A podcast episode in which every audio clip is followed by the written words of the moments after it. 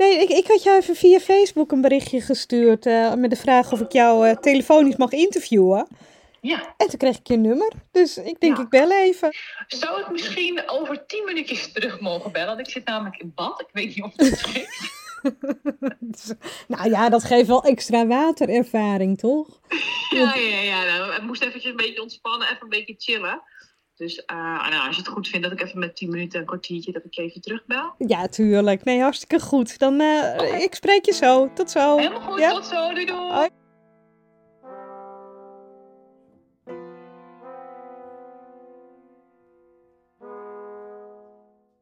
Anja Groot uit Assendelft is voor de vierde keer wereldkampioen zoetwatervissen geworden. Een ongekende prestatie.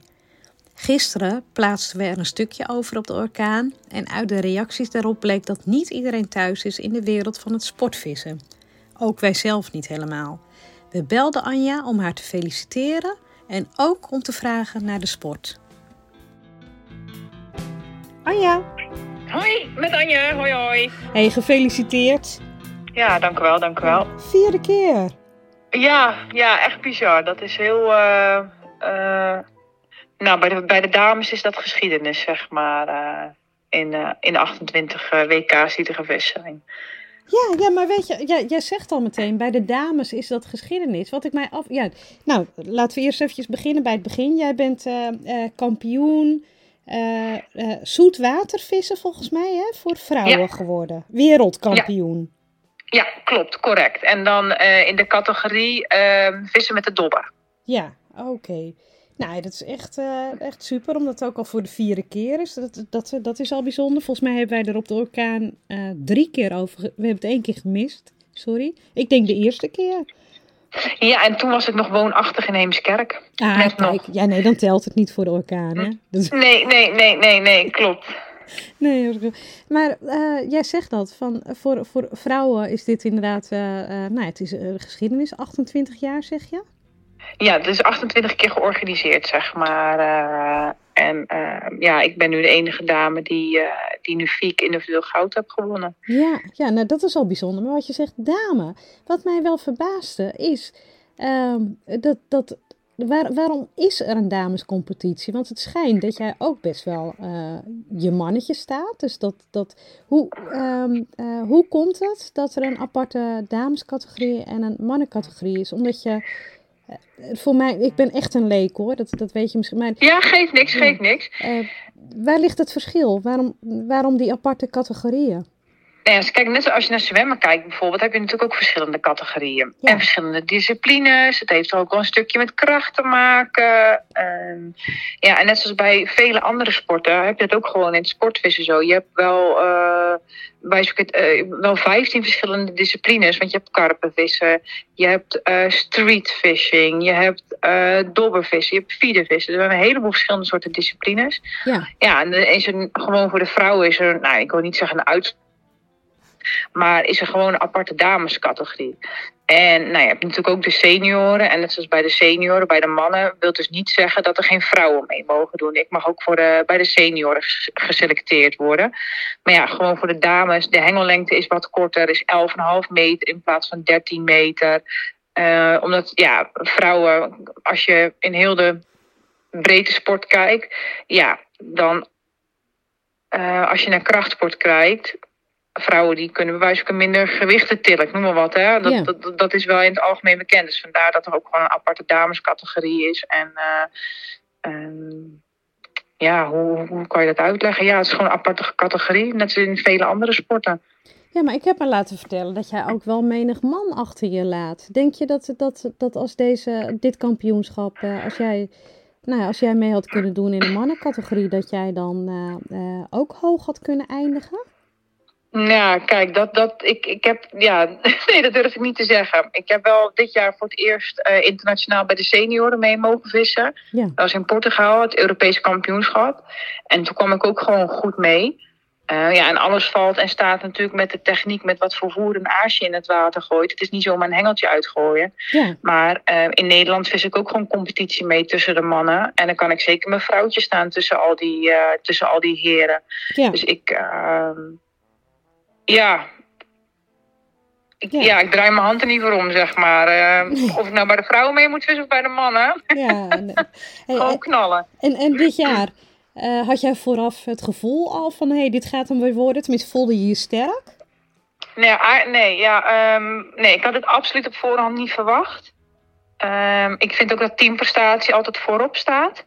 Dus je wilt eigenlijk met het team wil je zo goed mogelijk uh, resultaat vissen. En het liefst in een, uh, in een medaille, uh, goud, zilver of brons. Ja. Um, ik kijk eigenlijk nooit naar mijn individuele prestaties, zeg maar.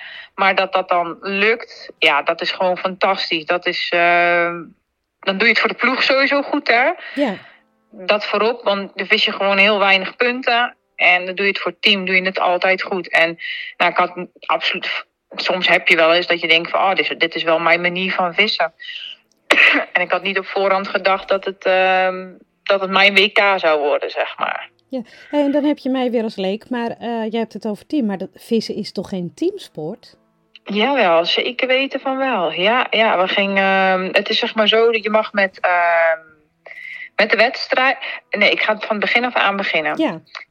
Een WK bestaat uit zeven dagen. En dan ga je van maandag tot vrijdag ga je oefenen.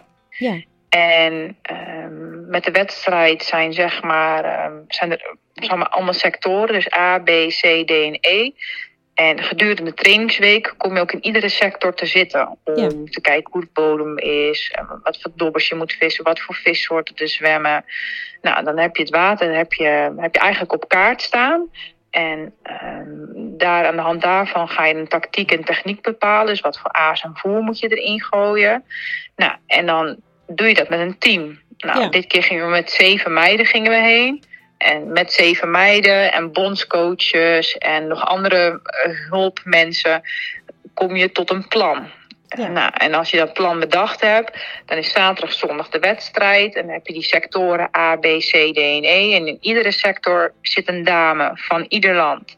Dus in het A-vak zit een Belgische, een Française, een Nederlandse, een Italiaanse. Nou, dan heb je vak B ook, C, D en E. En dan moet je eigenlijk het hoogste gewicht zien te vangen. En als je het hoogste gewicht vangt, dan krijg je dus de minste punten. Dus een 1, een 2 of 3 word je dus later, krijg je dus de meeste punten. Ja, het is gewoon een teamsport. En al die punten, die worden, die worden bij elkaar opgeteld. En dan uh, komt er een klassement uit. Ja, het, het kampioenschap uh, vond plaats in uh, Frankrijk, het riviertje ja. A. Maar hadden die Fransen niet een gigantische voorsprong dus, ten opzichte van jullie? Want een Frans riviertje lijkt mij dus anders dan een... Een zaan bijvoorbeeld. Ja, nou, ik denk dat je sowieso als thuisland altijd een voordeel hebt. Uh, want je kan natuurlijk alle informatie van de afgelopen jaren kan je natuurlijk inwinnen. Uh, het is makkelijk om, uh, want nou, ik gok dat die meiden er allemaal niet heel ver bij vandaan wonen. Die kunnen natuurlijk oefenen. Maar voor ons was het ook ideaal. Voor ons was het plus minus drie, drieënhalf uur rijden. En wij konden ook heen om te oefenen.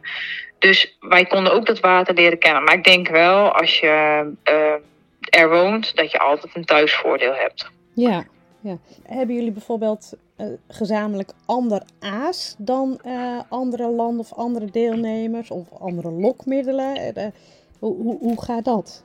Nou, um, ieder land mag het zelf indelen. dus ieder land mag zelf bepalen met wat voor aas en voer die erin gooit. Er zijn natuurlijk wel bepaalde regels aan verbonden. Zo mag je bijvoorbeeld maar 20 liter voer hebben en 2 liter aas. En um, ja, er zitten allemaal regels aan verbonden. Het is echt niet zomaar een hengeltje uitgooien. Um, er zijn gewoon aaslimieten en voerlimieten. En ja, het is maar net hoe je dat, hoe je dat zelf in wilt delen qua, qua voer, wat je erin wilt gooien en wat voor aas. Um, moet wel allemaal natuurlijk zijn. Dat is wel belangrijk. En ja, ik heb ook bijvoorbeeld de manier van vissen gehoord van andere landen. Nou, dat was weer anders dan zoals wij het aanpakten. En dus wat waren de verschillen? Maar... Kun je dat eens noemen? Wat, wat anders was? Sorry? Nou, wat waren de verschillen? Dus uh, wat, wat deden anderen anders dan jullie? Ja, dat was bijvoorbeeld uh, andere landen die, die gooiden bijvoorbeeld met de hand uh, het voer erin. En die cupten dan met een speciaal cupje ehm, aas eroverheen. Nou, wij cupten bijvoorbeeld alles in het cupje op de, op de plek. Ehm, ik weet dat bijvoorbeeld andere landen, die hebben bijvoorbeeld heel veel met, met, met voer gevist. Uh, andere landen wat meer met leen, dat is een, soort kleisoort. Ehm, eh, dus ja, iedereen, iedereen pakte het anders aan. Ja, en nou hadden wij een stukje op de orkaan. En dan krijg je eigenlijk direct een van de eerste reacties. Is, ja, vissen, dat kun je toch geen sport noemen? Maar ehm, ik heb laten vertellen dat het inderdaad topsport is. Maar wat maakt het nou echt uh, topsport? Nou, het is, geloof mij, zo'n week is keihard wikkelen. Er, gaan, uh, er gaat zoveel aan vooraf. Nou, laat ik al beginnen. We zijn al twee trainingsweekenden heen geweest. Ja. Nou, dat heeft me al vier dagen gekost. Dan moet je al je haakjes maken met onderlijntjes. Dan moet je je dobbertjes met alle loodjes maken. Dan gaat uh, ik moet bijvoorbeeld wel ook naar de sportschool toe om, uh, om als het windkracht 5 is, moet ik wel een hengel kunnen vasthouden. En als je van maandag tot, uh, tot zondag van ochtends 6 uur tot s avonds 11 uur bezig bent met alleen maar vissen, vissen, vissen, vissen, vissen. Ja, dan is het keiharde topsport. Ja, keiharde topsport. Dat lijkt ons een mooi einde van dit interview.